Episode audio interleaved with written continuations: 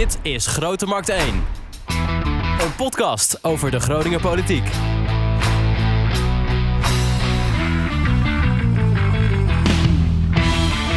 Leuk dat je luistert naar aflevering 17 van Grote Markt 1. Mijn naam is Wouter Rolsappel. Tegenover mij zit politiek verslaggever van Oog en mijn goede collega Echo van Oosterhout. Goedemorgen Wouter. Leuk dat je er bent. Ja, leuk dat jij er bent. Dank je. We een beetje genoten van het mooie weer. Ik geniet ontzettend van het mooie weer. Ja, eh, ik ben echt een mooi weer-fan. Ik vind het een beetje koud. Ik, nou, ik wil het zeggen, want ik uh, fietste laatst uh, langs jouw fraaie woonboot en ik zag daar geen uh, rookpluimpjes van de Green Egg op, op reizen. Toch heb ik al een aantal keren gebruik gemaakt van dat prachtapparaat. Nou, mooi. Um, ja, Echo, we gaan vandaag weer een podcast opnemen. Um, allereerst even onze gast, Chris Bakker. Welkom. Goedemorgen. Chris, je bent uh, uh, journalist uh, bij Oog. Ja. Je hebt daarvoor heel veel andere dingen gedaan. We gaan het zo meteen over meerdere dingen hebben. We gaan het erover hebben wat je hier nu bij Oog doet, je speciaal project. Maar we gaan het ook even hebben over wat je allemaal in de journalistiek hebt meegemaakt. Voordat we dat gaan doen, Echo, zijn er nog dingen die een beetje actueel spelen? Nou, vandaag uh, staat uh, op, dit is woensdag, hè, ja, vandaag. Is... Uh, van, vanavond is er een raadsvergadering in de Oosterpoort. En dan staat er uh, op de agenda onder andere de Polderlageland. Ja. Het uh, gemeentebestuur heeft gemeend uh, om daar 175 hectare zonnepanelen neer te leggen, een hyperloop center te maken en een hoogspanningsstation.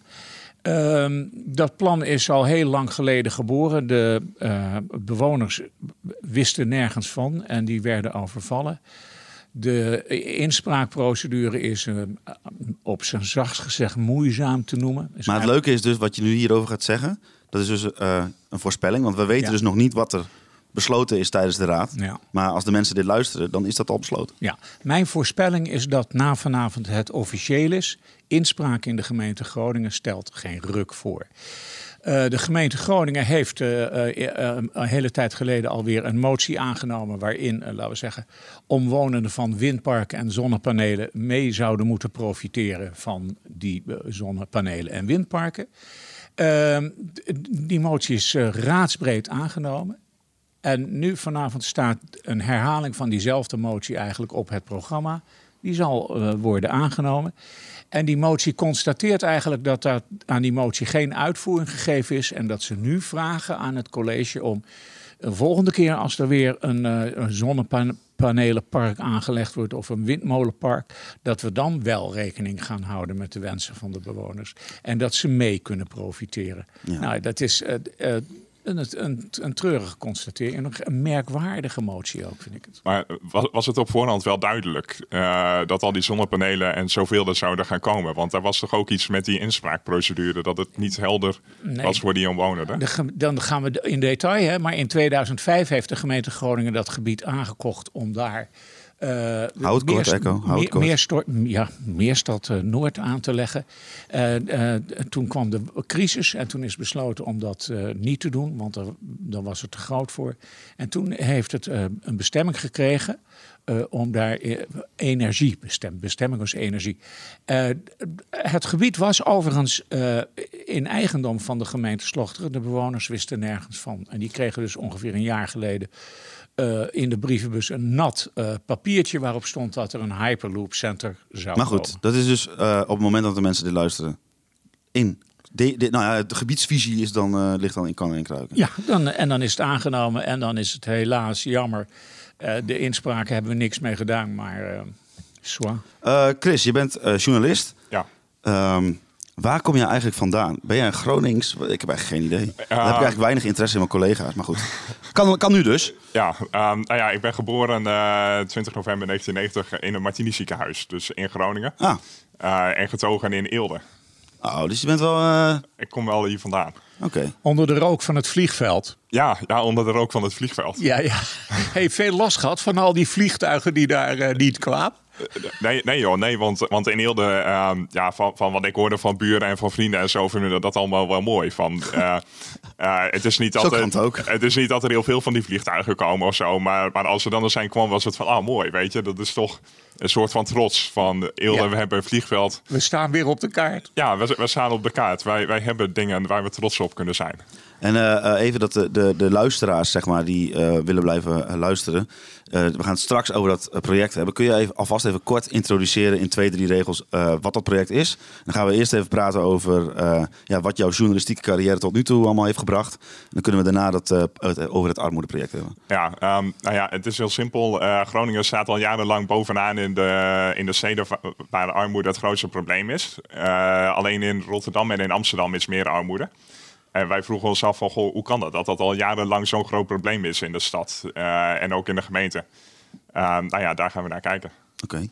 Uh, waar is jouw journalistieke carrière of jouw eerste keer dat je dacht van ik ga journalistiek in? Waar, waar, waar is dat vandaan gekomen? Um, nou ja, mijn, mijn hobby was paintball. En Wat? Dat, ja, paintball dat zou je niet zo snel, zo snel uit. Je bent makkelijk te raken, want je bent 2 meter vijf of zo. Ja, ja, ik werd ook heel vaak geraakt, vooral, vooral op mijn hoofd en zo. Uh, maar mijn hobby was, was paintball. En um, nou ja, ik deed dat gewoon bij een, bij een officiële vereniging en zo. En op de website van, dat, van die vereniging stond iets... uh, een after-action review gebeuren. Daar kon je uh, recensie achterlaten of zo, een verhaaltje maken na een speeldag.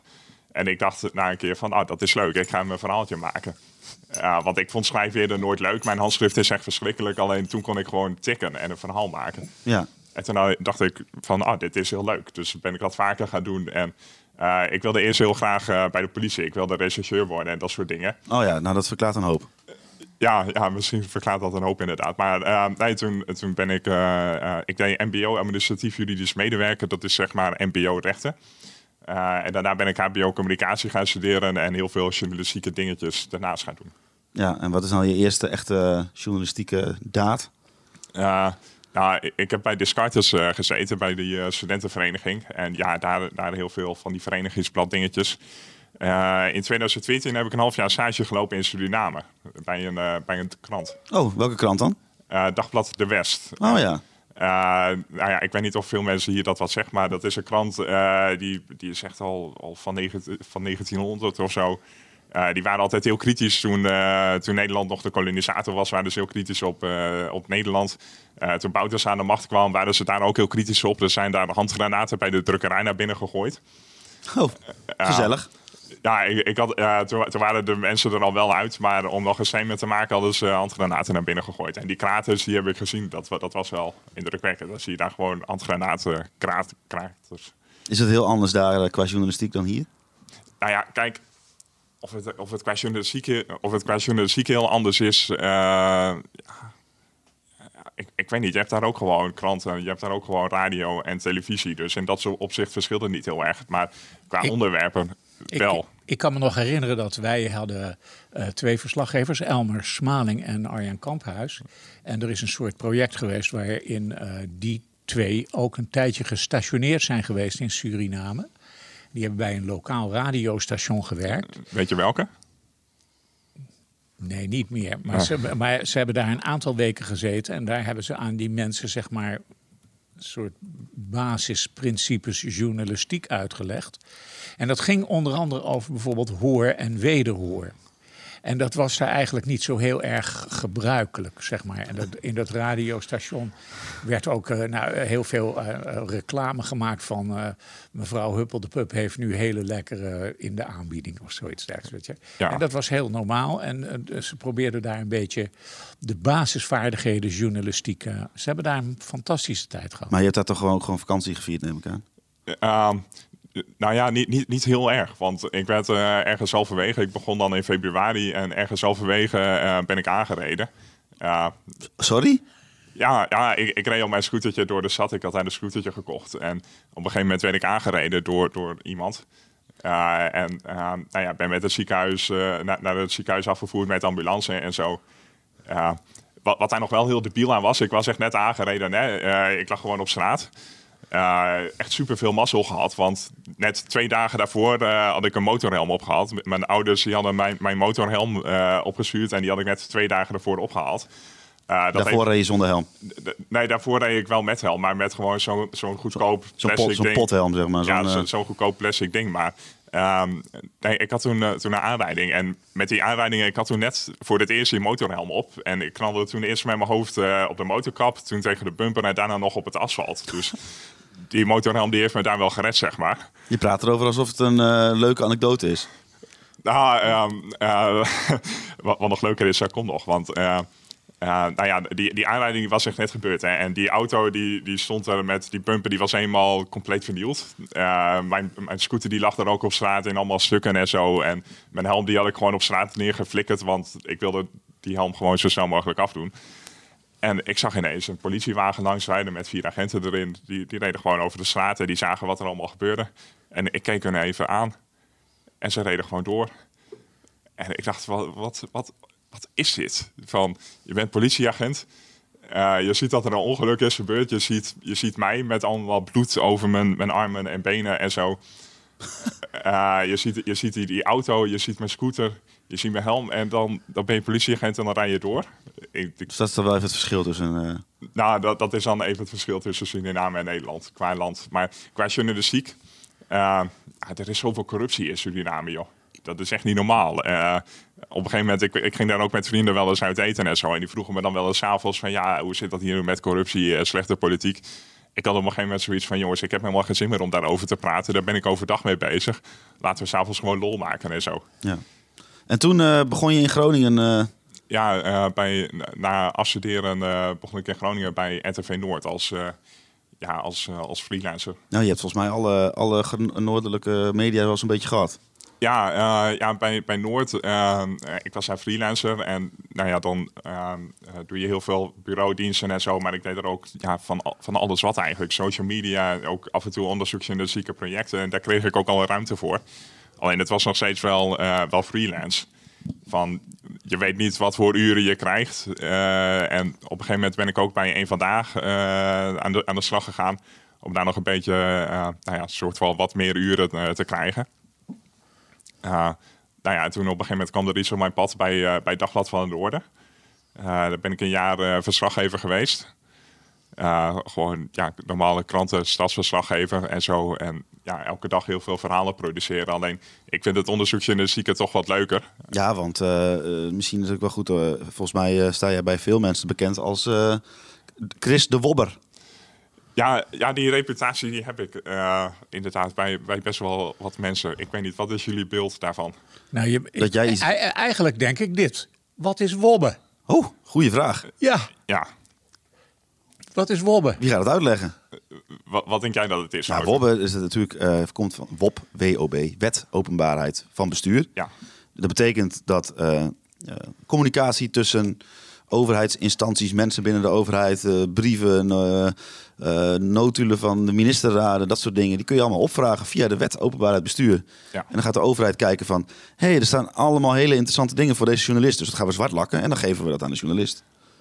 Ja, het- niet, niet altijd alles wordt zwart, zwart gelakt. Want soms dan zitten er wel echt heel interessante dingen tussen. Ehm, ik weet niet ehm, ehm, of jullie het kennen, maar je hebt iets verderop heb je bij Hoge Zand eh, scheepswerf Patje. Ja. Bij Waterhuizen zitten. Praat Ehm, er maar met Echo over, die is van water. Ik eh, ja, trek Ja. mij terug. Patje had natuurlijk heel veel ruzie met zijn eh, omgeving, want hij maakte daar heel veel lawaai. En eh, daar werden de eh, omwonenden boos van. En Patje die zei dan, ja, maar dat is werkgelegenheid en dat is ook heel belangrijk enzovoort. enzovoort. En jij hebt daar gewopt. ja, ik heb daar gewopt. Toen ik bij RTV Noord werkte, heb ik gewoon heel simpel de provincie gewopt. En kom maar met, met alles wat jullie hebben over Patje. Alle milieurapportages en zo. Hoe vaak houden ze zich niet aan de geluidsnormen en dat soort dingen. Eh, nou ja, daar had ik toen een verhaaltje over geschreven, over eh, wat er allemaal in stond. En heeft dat de zoden aan de dijk gezet? Nou, volgens mij bestaan ze nog steeds. Dus ja, ze, zijn- ze zijn niet weg. Nee, is het, dat- maar is het ook rustiger geworden? Dat weet ik niet, joh. Dat weet jij beter dan ik. En eh, tijdens jouw werkzaamheden bij eh, het Dagblad van het Noorden kruisten ook wij elkaars pad. Ja, Want eh, we hadden eigenlijk een beetje een gezamenlijk project, eh, Echo. Ja, Eh, dat kan ik wel even vertellen. Ehm, eh, je, eh, de, de woningcorporatie Le Vier had het onzalige idee opgevat om het pepergasthuis te verkopen. je blijft aan, goed objectief. aan een. nou, ik, laten we zeggen, wat dat betreft vond ik me dus in goed gezelschap. Want eigenlijk men vindt dat eh, het Pepergasthuis hoort bij Groningen, zoals de Martini-toren bij Groningen hoort, of de Grote Markt. Het En is die verkoop je ook niet. die verkoop je ook niet. Dat is gewoon, ja, eh, dat is eh, het ultieme Groningen zo ongeveer. En dat Pepergasthuis, dat is nog, dat heeft van alles in zich. Een kerk, kunstschatten, er wonen mensen, het is een sociale functie. Bovendien is het in eh, 1504 aan de stad geschonken door de toenmalige eh, vader, en zoon. Solleder. Solleder, ja, die hebben dat gewoon aan de stad gegeven. Zo vaak gehoord al dit. Eh, in, het is overgegaan in, eh, in, in, via allerlei constructies is het uiteindelijk overgegaan in de vereniging Volkshuisvesting. Die overigens bij die overname beloofden om de traditie van het Pepergasthuis, zoals die tot dan gold, om die door te zetten. En toen had eh, ja, Volkshuisvesting is Levier geworden. En eh, de- toen kwam daar natuurlijk een manager. En die manager die bedacht, nou als ik dat pepergasthuis verkoop en aan een rijke projectontwikkelaar, die kan er dan mooie appartementen inzetten voor juppies en dan voor veel geld verkopen. Dan kan ik heel veel geld aan verdienen. En toen, eh, ja, toen schrok de gemeente Groningen eigenlijk een beetje van wat hebben we nou gedaan. En Chris en ik hebben elkaar toen eh, eh, regelmatig over die zaak gesproken en hebben besloten om een beetje samen op te trekken. Het was leuk, daar hè? ook dat was leuk. Heb je daar ook in gewopt?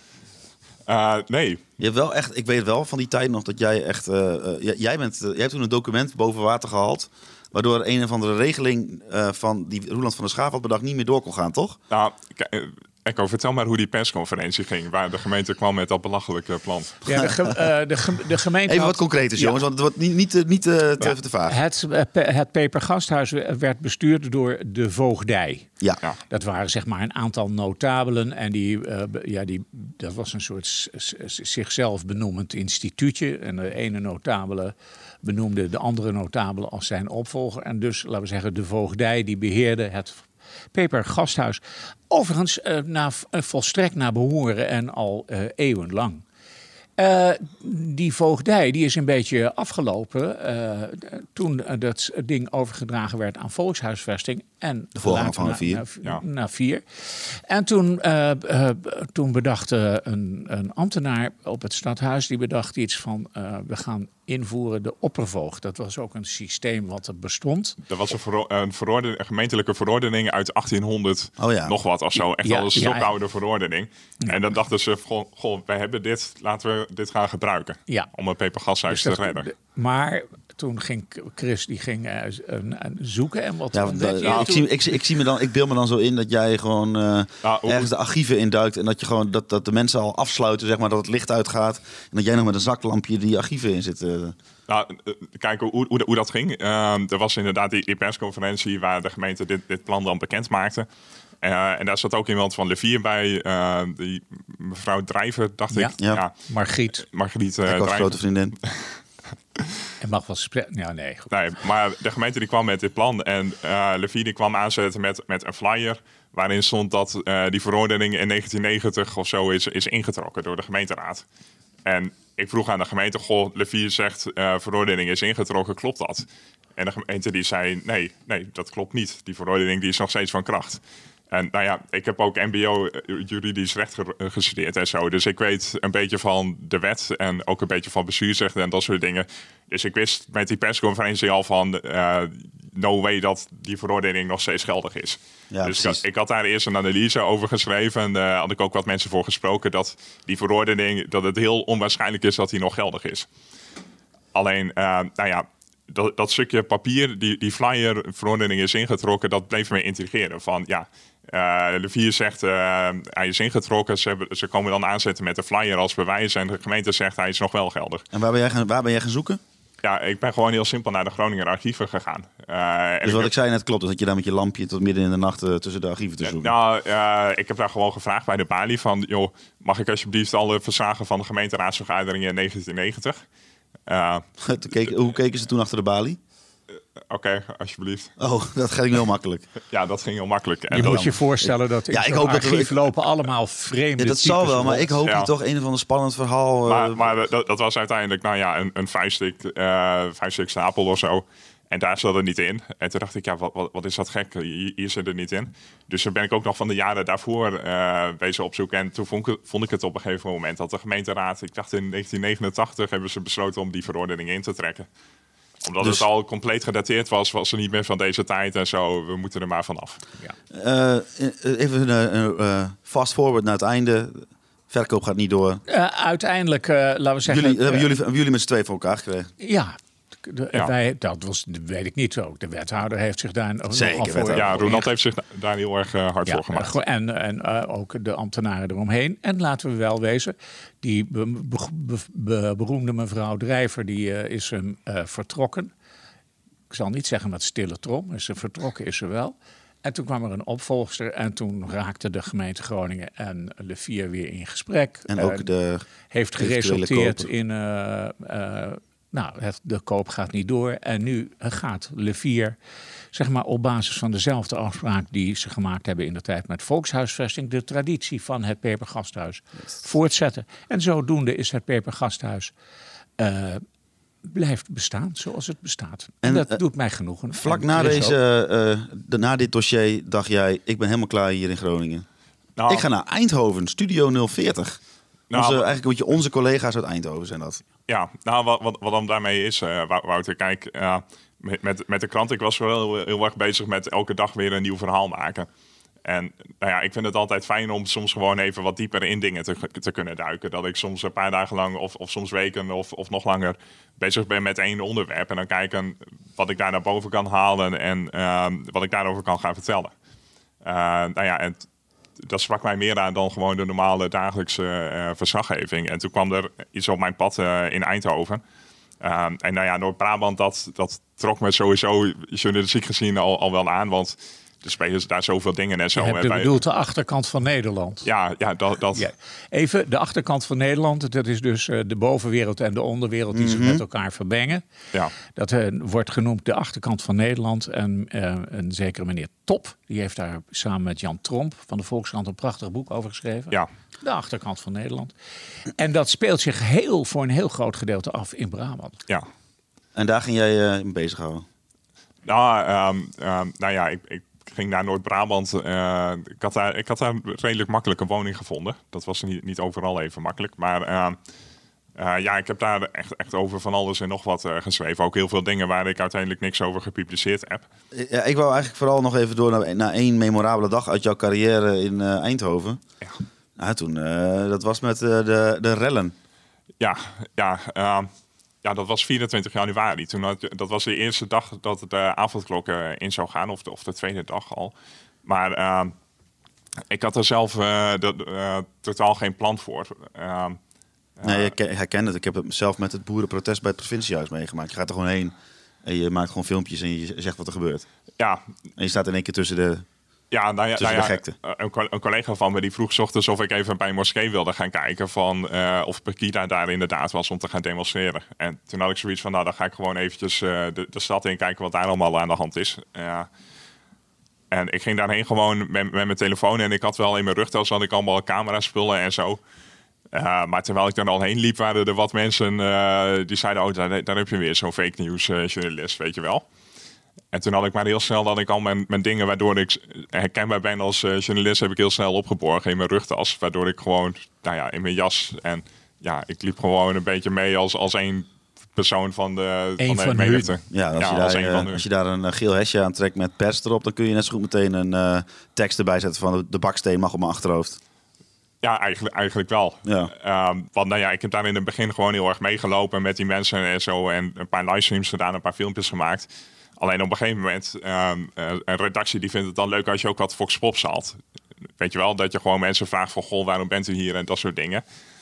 Uh, dus toen was ik wel eventjes herkenbaar als journalist. En toen hebben we een vrouw geïnterviewd. Uh, ja, die heb je op je Twitter-account ook gezet, hè? Ja. Um, die denkt dat uh, we, wij als media, en jij dan ook, nog voor de rechter moeten komen. Ja, dat wij, dat wij, dat, die zegt dat wij hyena's zijn en dat we allemaal voor, voor de rechter... dat ze hoopt dat wij ooit voor de rechter verschijnen en dat soort dingen ja, die mevrouw die ging echt helemaal los uh, twee minuten lang. Heb je nog contact mee geprobeerd te zoeken, toch? Ja, alleen is, uh, ik, ik, was wel achteraf. met haar man, ja, achteraf. Maar uh, ik had wel met haar man nog eventjes kort gebeld, alleen ja, nooit, nooit weer wat van gehoord, helaas. Ehm, nee, maar, maar terwijl we dat interview deden, en dat was echt, echt maar tien minuten lang dat ik herkenbaar was. De hele dag als journalist had ik gewoon een persetje om en ik was met de cameraman uh, gewoon quotejes aan het hengelen. Nou, wat, wat, een hoop haat we tegen ons, ons qua, uh, aankregen. Dat was echt van, uh, nou, ga, ga alsjeblieft weg, jullie fake news, overheidspropaganda journalisten. Ja, ja, bizar. Ja, en toen had ik maar snel weer uh, dat testje opgeborgen en zo. En ging ik via een zijgangetje, dat het ook niet is dat ik dan uit die ME-linie naar voren kom met... hoi, ik ga gewoon even tussen jullie instaan. Maar via een zijweggetje uh, ging ik gewoon weer, uh, weer terug naar de menigte. En toen had ik een livestream gedaan van die complete vernieling bij het station. Dat zijn beelden die die kennen jullie, of die kennen veel mensen denk ik wel, uh, van die pro-deelwagen die, uh, die werd vernield en in de brand gestoken en zo. En de stenen die naar het station werden gegooid. Nou ja, dat was allemaal wel vrij heftig uh, om te ja. zien. Ja, toch, ja, we kunnen volgens mij van elk van die onderwerpen wel langer doorpraten. Maar om toch even door te gaan, want je bent nu weer in Groningen.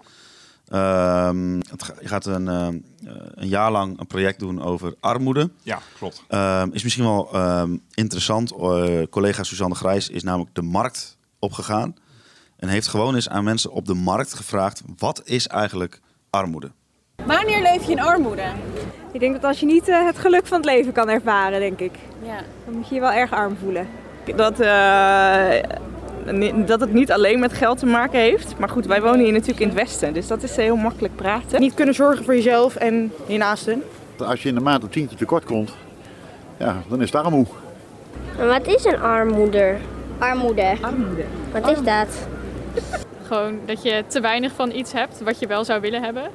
Dat, ja, dat, dat het betekent dat je niet rond kunt komen en dat het heel erg is. Uh, de armoede kan ook, uh, kan ook zijn dat je eenzaam bent. En daardoor niet mee kunnen komen in de maatschappij. En daardoor achtergesteld zijn. En dan kom je er ook niet meer uit. Het onderwerp is toch moeilijk te bespreken natuurlijk. Je zegt niet graag dat je geen geld hebt of iets dergelijks. Dus ja, het is wel een pittig onderwerp. Je kunt ook uh, een wereldreis gaan maken en dan als het niet lukt, ben je, heb je, zit je niet per se in armoede. Maar de, ja, de basisnoodzakelijkheden. Ja, wat rijkdom is, is ook armoede. Nou, dat was, uh, die laatste is wel heel erg waar. Uh, wat mij heel erg opviel uh, toen ik dit voor het eerst hoorde en zag, was dat echt, het is zo ongelooflijk breed. Dat wat, me, wat mensen zeg maar, in hun hoofd hebben bij dit onderwerp. Ja. Dan denk ik persoonlijk dat de wat oudere mevrouw die we halverwege ergens hoorden, dat die het wel aardig vertelde. Kun je vertellen hoe dit project tot stand is gekomen en waarom jij uh, degene bent die dit deels met, met collega's uh, voor ogen gaat doen? Hoe dit project tot stand is gekomen. Uh, ja, daar is, uh, Oog die heeft daarover nagedacht van joh, armoede dat is een belangrijk thema en daar willen we onderzoek naar gaan doen en daar willen we ook subsidie en middelen voor, voor halen om dat te kunnen doen. En toen is er een aanvraag gedaan bij de Simuleringsfonds voor de Journalistiek.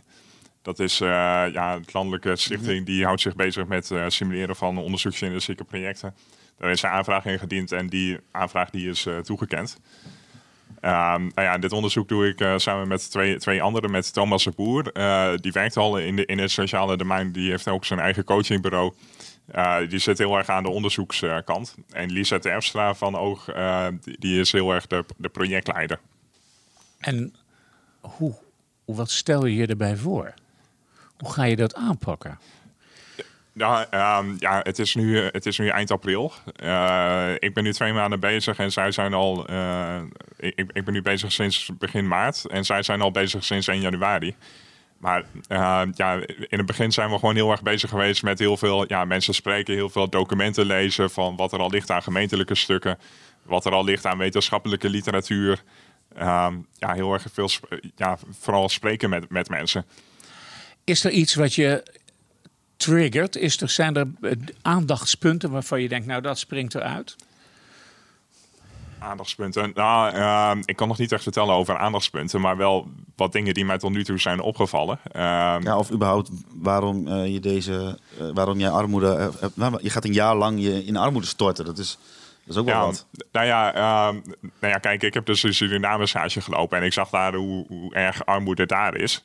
Um, en nou ja, daarna heb ik bij RTV Noord en bij, bij Dagblad gemerkt en, ge gewerkt. En ik merkte daar ook wel hoe, um, ja, hoe onzichtbaar dit fenomeen armoede is in de stad. Maar dat het wel echt duidelijk impact heeft. Dat het wel er, er is, alleen ondanks dat we het niet altijd zien, uh, het is wel een heel belangrijk probleem. En, Ja, ik heb nu al een beetje het idee dat we het over armoede hebben. Ja. En het blijft toch een beetje, eh, zeg maar, het, is het gevoel of dat dat heel erg is of zo, dat dat, dat, dat, dat, on- nou, dat ontbreekt vind ik een beetje, is niet helemaal, maar het blijft, blijft een beetje borrelen of zo.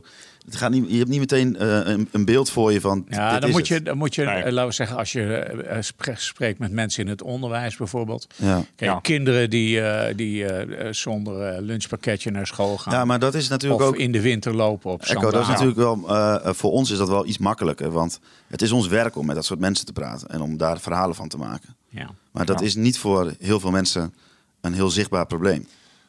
Maar, Nee. maar Wouter, wat, wat- jij zegt, dat, dat klopt wel. Van, het is niet dat je er één, één iets bij hebt. Want ehm, wij hebben daar allemaal volgens mij wel ons stereotype beeld bij. Van eh, dit is één persoon die leeft in armoede en die zal wel er zo uiten. En die, zal- die zal wel eh, zich op zo'n manier gedragen.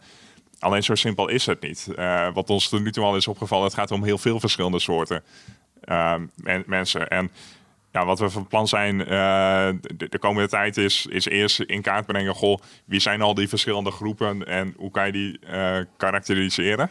Hoe kan je die, die toch een beetje eh, in verschillende categorieën zetten? En dan van elk van die verschillende categorieën willen we één voorbeeld zo- zoeken... eh, aan de hand waarvan we dat verhaal kunnen vertellen van, van die categorie. Nou, dat is wel interessant. Een- noem, eens, een- noem eens drie categorieën. Eh, een, een alleen, alleenstaande eh, met, met drie, drie kinderen. Ja. Ehm, ja, dat, dat is er eentje. En de andere is eh, de, ehm, het samenwonende paar die, die gepensioneerd is, maar die net, net te weinig overhoudt.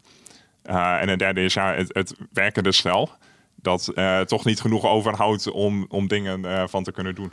Twee, Z- twee ZZP'ers die ah, gewoon te weinig uren maken en bij een of andere pizzadienst werken en eh, nauwelijks het droog brood eh, Precies. kunnen Ja, want dat is misschien ook wel. eh, je kunt ook gewoon in armoede leven terwijl je gewoon werkt. Ja. Ja, Nou, dat is, Precies. heel veel mensen weten dat denk ik niet. nee.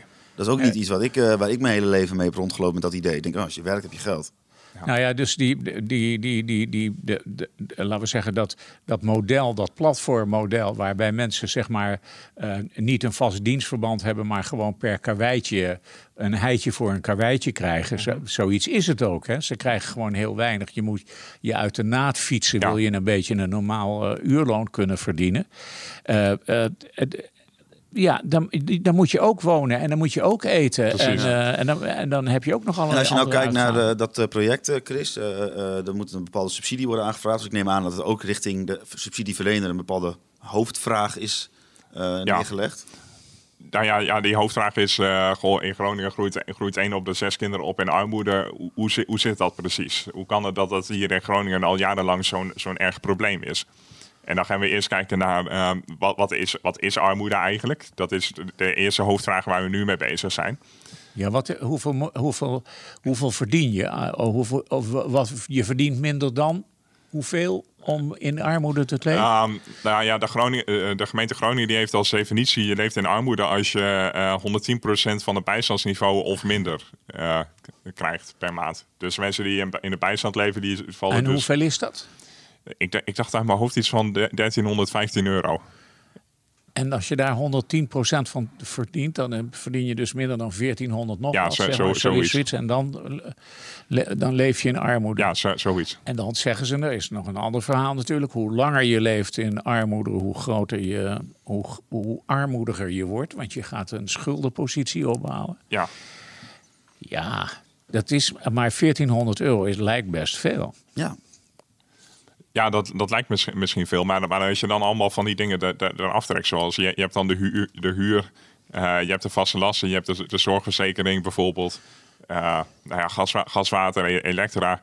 Als je allemaal dat soort dingen ervan aftrekt... en je hebt ook nog schulden omdat je... eh, bij de overheid nog schulden uit hebt staan. Of je hebt ook ooit, ooit een keer ergens iets besteld en je hebt daar nog schulden van. Ja, dan telt het allemaal wel heel snel op eigenlijk. Ja. Is de... En dan is het nog een keer, laten we zeggen, armoede is bijna nooit een op zichzelf staand probleem. Nee. nee dat is mij nu ook al wel opgevallen. Het is inderdaad, eh eh, jij zei dat laatst heel mooi, de, de multiproblematiek. Dat, Ja. je, dat je meerdere soorten problemen hebt bij gezinnen. Eh, dat we wel eens dingen spelen zoals mishan- mishandeling of eh, ja, mensen zitten in de schulden bij, bij de overheid of bij een postorderbedrijf. Of ze wonen in een verkeerd huis waar ze te veel huur eh, moeten betalen. Uh, ja, het gaat vaak om heel ingewikkelde problemen. En wat heb je tot nu toe eigenlijk allemaal uh, kunnen doen? Uh, tot nu toe ja, ja, heel veel uh, ja, spreken met mensen en ja, een paar online symposia gevolgd en zo. Ik heb één keer een, een symposium gevolgd. daar was onze wethouder, mevrouw Dixie, was er ook bij. En wat mij wel opviel, was dat ze zei dat 80% van mensen die in armoede leven, die hebben schulden bij de overheid. Dus de overheid die is eigenlijk de grootste schuldeiser. als het gaat om bijvoorbeeld terugbetalen van toeslagen. Dat is wel echt, echt het ding hoor. Van als je ik, ik hoorde gisteren ook eens zo'n verhaal. Iemand die verdiende 75 euro te, veel. En die moest ineens uh, 6000 euro aan, huurtoeslag uh, gaan terugbetalen. Omdat hij dan net, net boven die grens uitkomt. Dus dan was het. Uh, daar kreeg, daar kreeg die, die persoon die kreeg een advies. Van de WW ja, of, of van het UWV, eigenlijk had je twee maanden de bijstand of de WW ingemoeten. Dan had je niet die 6000 euro hoeven terugbetalen. Dus dat, dat is heel, heel krom soms voor, voor sommige mensen is het zo dat je beter in de bijstand kan zitten dan, dan dat je gaat werken. Want als je werkt, dan hou je soms minder over dan als je in de bijstand zit. Maar die rigide overheid, hè? Ja. Uh, er wordt er, nou, bijvoorbeeld de kindertoeslagaffaire. Ja. Er wordt een parallel getrokken, bijvoorbeeld ook met de, de, met de aardgasproblematiek. Het ja. want, want, de inst, geïnstitutionaliseerde wantrouwen van de overheid in haar burgers. Uh, is dat zo dat die, die, die, de, de, als de overheid burgers wantrouwt, dat ze zich al als het ware ook de armoede oproept? Dat weet, dat als, je, als je begrijp je een beetje wat ik bedoel, Ja. dat je uh, het nee, omdat iedereen gewantrouwd wordt. Je hebt daar een heel mooi voorbeeld van. Ja. Dat Nou, moet je maar even ik heb een uh, Wouter. voorbeeld. Het gaat over een uh, mevrouw die zat bij Op 1. Samen met de wethouder van uh, Tilburg. Die wethouder die ging een uh, maand in de bijstand leven. Nou, die vertelde bijvoorbeeld, dat is ook al, al goed om zelf te vertellen. Die vertelde al dat ze na, aan het eind van de maand, merkte zij al, vertelde ze dat ze de brieven van de gemeente uh, normaal gesproken altijd direct opende. Maar omdat ze dus zoiets had van, ja, ik heb nog maar een paar euro voor de rest van de week. Nou, dan leg ik hem even weg, weet je wel. Dat gevoel ja. van, oh, dan kijk ik later wel naar. Nou, moet je nagaan als je dus echt in armoede leeft, hoe je uh, in ieder geval zo'n brief met een eventuele rekening tegemoet ziet. Uh, maar er zat een, bij haar een vrouw aan tafel. En die mevrouw die leeft in de bijstand. Ja. En um, als je, die heeft, had een kapotte stofzuiger. En dan kun je bijvoorbeeld een tijdelijke of een eenmalige toeslag aanvragen. Ja, ja, daar heb je allemaal van die regelingen voor. Ja. Maar dat ging niet zomaar natuurlijk, hè? want er moest wel eerst even bewezen worden dat deze mevrouw uh, de gemeente daar geen poot uit probeert te draaien. Nou, ze vertelt daarover en we hebben even een klein fragmentje daarvan onder de knop staan. Toen zei die man van, je kunt ook met je stofzuiger naar ons komen. Ik denk, oké, okay, dan doe ik dat. Stofzuiger achter op de fiets. Ik naar werk en inkomen gelopen kom er binnen en er kwam gelijk een beveiliger naar me toe. Aan publiek, want er stonden mensen in de rij. En wat komt u doen? Ik zei, nou, mijn stofzuiger is kapot. En het is me net verzocht dat ik hier de stofzuiger mag komen tonen... om te laten zien of die daadwerkelijk kapot is. Nou, er werd iemand bijgeroepen en die doet aan publiek. De stekker in het stopcontact. En dat was kapot. En dat, ja. En dat is natuurlijk ontzettend vernederend. Hè? Je, ja, je hebt toen ook op de terugweg heel erg gehuild. Want het is al zwaar genoeg. Nou, dat was dus het uh, fragment van op één. Ja. Ja, ja, dat, ja, ik kan me eigenlijk niet eens voorstellen hoe het... Uh... Nee, maar dat, dat is dus, uh, laten we zeggen, het, de, de, de overheid die gewoon als per definitie de burger wantrouwt. De burger, de burger deugt niet. Die heeft uh, gejokt. Je, je, vraagt een nieuwe stofzuiger aan, maar die stofzuiger is helemaal niet kapot. Dan gaan ze eigenlijk per def. Bewijs maar dat je stofzuiger kapot is. Bewijs maar dat je, uh, dat je, dat je pannetje de aanbaklaag verdwenen is. Bewijs alles maar. Alles moet je bewijzen. Het hele merkwaardige is natuurlijk. Dat vragen ze niet aan een inwoner van Wassenaar.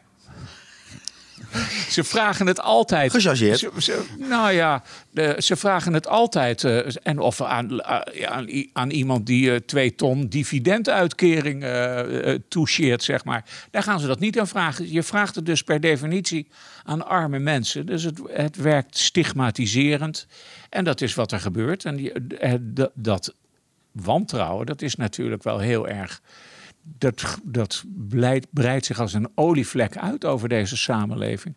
Het is een heel een, uh, merkwaardig fenomeen. Ik weet nog wel dat uh, wij, de, uh, wethouder Matthias Gijsberts, de voorganger van de huidige GroenLinks-wethouder Isabelle Dix. Matthias, die, die raakte daar oprecht geëmotioneerd van. En die zei dan. Uh, ik wil zo niet omgaan met de stadjers. Ik wil niet per definitie uh, dat stadjers aan mij moeten bewijzen dit of moeten bewijzen dat. Dus in de stad Groningen gebeurt dat op die manier niet. Tenminste, dat is het verhaal zoals het nu geldt. Nou, in deze podcast uh, zullen we in ieder geval niet het hele armoededossier kunnen bespreken en behandelen. Maar gelukkig ga jij daar het komende jaar mee bezig. Uh, wat kunnen we zeg maar allemaal verwachten voor uh, dingen die uh, de mensen uit Groningen, nou iedereen, want het is natuurlijk openbaar, kunnen, wat voor content kunnen ze gaan verwachten? Video, wat, noem eens wat. Content? Content. content. Wat, is, wat is content? Dat is een heel prachtige journalistieke term voor, voor zeg maar alles wat wij doen. Ja, gewoon, gewoon laten we zeggen, inhoud, artikelen. Ja. Zullen we het daarover hebben gewoon? Ja. Zullen we dat afspreken, Wouter? Nee. Wouter... Ja, ik, ik, ben zelf ook voor, voor de inhoud. Want content, dat inhoud. is te veel de, de verengelsisering of zo. Ja, ja, ben ik ook niet van. Maar deze, in deze content is gewoon zo'n heerlijk woord. Wat gewoon overal... Gaan, jullie, af, af, je, af, spuugt het, af. je, spuugt het, er, je spuugt het er gewoon uit. Je leidt me af, Echo. Inhoud. Chris, Chris Bakker, waarde collega. Welke content kunnen de mensen gaan verwachten? Um, nou ja, de, de titel van het project is uh, Arm in 050. Um, en op, op de website van OogTV komt een aparte dossierpagina. Van, dan heb je bovenaan, bovenaan allemaal van die kopjes en zo. En daar komt ook een, een project, of daar komt de naam te staan, Armin 050. En daar gaan we allemaal ja, artikelen, uh, we gaan ook op podcast gaan we maken. Dus dan moet ik het even, van jou leren uh, hoe je een podcast... Uh... Nou, gewoon in de microfoon praten en op een gegeven moment op stop drukken. en mensen als Echo en uh, Chris Bakker proberen kort te houden. Want anders dan gaat het praten ze veel te lang. Maar dan gaan we nog niet Wat zo, een zinvolle mededeling. Maar dan gaat, me niet, dan gaat me nog niet zo heel goed af. Nee, maar en, en, en qua, uh, ga je, zit daar een bepaalde opbouw in? Uh, begin je ergens en ga, werk je ergens naartoe? Uh, ja, um, nou ja, zoals Worden het hele zware artikelen met politieke ver, verhandelingen of juist de persoonlijke verhalen? Nou ja, zoals gezegd, we gaan dus beginnen met, met de dossierpagina Armin 050. Um, en nou ja, we gaan podcasts opnemen, we gaan artikelen opnemen, ook, ook filmpjes en alles, zeg maar, alles wat je maar kan bedenken qua journalistieke uitingen gaan we doen. Uh, alleen het onderzoek qua publicaties, dat, dat bouwen we wel enigszins op. Want we zijn nu eerst bezig gewoon met de vraag, wat, wat is armoede eigenlijk? Uh, en die vraag, nou ja, je hoorde het net ook al uh, van de mening op de markt, dat is heel ingewikkeld. En in, in alle wetenschappelijke literatuur en zo, dat is allemaal al heel ingewikkeld. Um, maar dat gaan we eerst gewoon neerzetten. Wat is armoede eigenlijk? Daar gaat ook de eerste podcast over. Gaan we onder andere spreken met iemand uit de dagelijkse praktijk. Als in de, dat die dat met arme, arme, arme mensen werkt of zelf arm is? Die zelf arm is geweest en nu, nu met mensen werkt. Oké. Okay. Uh, dus ja, dat. Um, ja, wat nog meer? Um, ja, als we dat hebben neergezet, uh, kijk, zoals ze zegt, je hebt heel veel verschillende categorieën van mensen die, die in armoede leven. Uh, en ook van die categorieën uh, willen we gewoon een portret gaan maken in de vorm van een artikel of een film, filmreportage of een audioreportage. Afhankelijk van waar mensen zich het meest comfortabel ja, mee, Precies, mee want dat, dat, vroeg me nog af van. Ja, het van, is best wel een precair onderwerp. Precies, van als, als mensen zich er even niet comfortabel bij voelen, dan kunnen we het ook prima anoniem. En dan maken we er een audioreportage van of gewoon alleen een artikel dat het niet direct te herleiden is naar personen. Maar het lijkt me sowieso wel lastig, omdat zeg maar, het is een heel precair onderwerp. Maar je Ja. wilt wel dat het dat eigenlijk niet meer is. Dat het gewoon iets is waar we gewoon met z'n allen normaal over kunnen praten. Precies. Ehm, nou ja, wat het ook is, we gaan, eh, als we het project gaan lance- lanceren, gaan we ook een enquête uitzetten eh, onder ons publiek van Oog. Ehm, want wij zijn gewoon heel erg benieuwd naar, ja, wat, wat denkt eh, Oog, wat denkt Groningen en ook mensen buiten Groningen, wat denken mensen over, over armoede? Wanneer komt deze enquête en hoe kunnen mensen deze vinden? Eh, ik, ik hoop volgende week of anders de week daarna. Maar als Dus dan hebben we het eh, in, eh, in ongeveer begin mei. Ja, ongeveer begin, begin mei zal dat komen. En dan willen we ook een panel gaan maken van mensen die we kunnen benaderen, die iets van armoede weten of die, die zelf in armoede leven. Ja, dus ja, dat. En als we, als we dat dan eerst hebben opgebouwd, hè, van wat is armoede en hoe zit dat met die verschillende portretten, eh, gaan we ook de wijken in. Van goh, wat is de impact van armoede eigenlijk op bijvoorbeeld een Oosterparkwijk? Uh, of een, een, wijk zoals uh, de, de Hoogte. Ja. Wat, wat zie je ervan in de, in de stad? En, je, en het is ook nog een project wat uh, nog meer groepen erbij betrekt. Want ik uh, vernam dat er ook studenten bij betrokken zijn. Ja, ja klopt. Ja, we zijn ook uh, met studenten bezig van de, van de universiteit. die zijn nu heel druk met ambtenaren aan het praten. En die proberen vooral wat zicht te krijgen op, op generatiearmoede. Generatiearmoede, dat is... als je ouders arm zijn, ben je ja, ook arm. En waarom is dat zo? Precies, ja. precies. Uh, ja, misschien om even richting. Want ja, ik denk toch als mensen de inhoud uh, van armoede verder uh, willen zien, dan moeten ze maar even vanaf hier schakelen naar de, de publicaties. Hè, Echo, vind je dat een goed woord? Publicaties. Ja, publicaties. Die jij de komende maanden gaat doen. Ja. Um, nou, in ieder geval mooi dat je hier alvast even wat over jezelf en over het project wilde vertellen. Laatste vraag gaat over: wat hoop je te bereiken? En misschien daaraan aan gekoppeld, heb je aan een jaar genoeg? Um, wat ik hoop te bereiken is, nou ja, voor, vooral wat, mensen uh, wat meer inzicht geven en wat meer bewust laten worden van wat, wat armoede eigenlijk is. Uh, en ja, hoe ingewikkeld het is en alles wat ermee te maken heeft. En ja, ook, ook enigszins uitleggen hoe ingewikkeld dit speelveld allemaal is. Um, en dat het niet zo simpel is uh, zoals veel mensen denken dat het is. Nee, ik denk, ik kan me ook voorstellen dat niet iedereen die er wat mee te maken heeft, die ook op overheidsniveau direct staat te springen om uh, uh, alles te vertellen.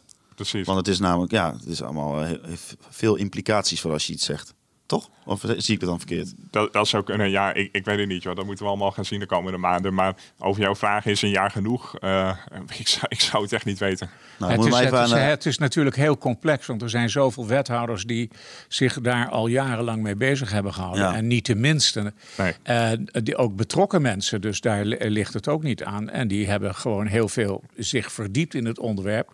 De oplossing is nog steeds niet gevonden. Nee. Bijvoorbeeld in de stad als Groningen heb je heel veel studenten. Die studenten die doen allerlei bijbaantjes. Ja. En die pikken dus de onderkant van de, van de, de, wer, van, van de werkgelegenheid pikken die in, als het Ja. ware. En dat zorgt er ook voor, voor dat, uh, laten we zeggen, daardoor ontstaat dus ook armoede. Ja. Dat is ook een, be een bekend fenomeen. Ja. Ja. Ach, En zo, zo, zo, zoveel dingen. Ja, en anders dan, uh, als het uh, niet genoeg tijd is, dan moet onze uh, directeur maar even bij het Stimuleringsfonds gewoon een jaarverlenging aanvragen. Ja. Ik zie dat jij daar geen probleem mee zou hebben. Nee. Nou, uh, Chris, dankjewel uh, dat je hier aan wilde schuiven. En, uh, snel, Graag gedaan. Weer, snel weer naar boven aan het werk jij. En uh, Echo, ik weet niet wat jij vandaag allemaal nog gaat doen, maar uh, ook... Ik ben ook benieuwd wat ik vandaag ga doen. Oh. ook jij bedankt. En uh, natuurlijk ook dank aan Henk Cuperus en Suzanne Grijs... die uh, deze productie mede mogelijk maken. En als laatste natuurlijk iedereen die uh, luistert... bedankt voor het luisteren naar alweer de 17e aflevering van Grote Markt 1.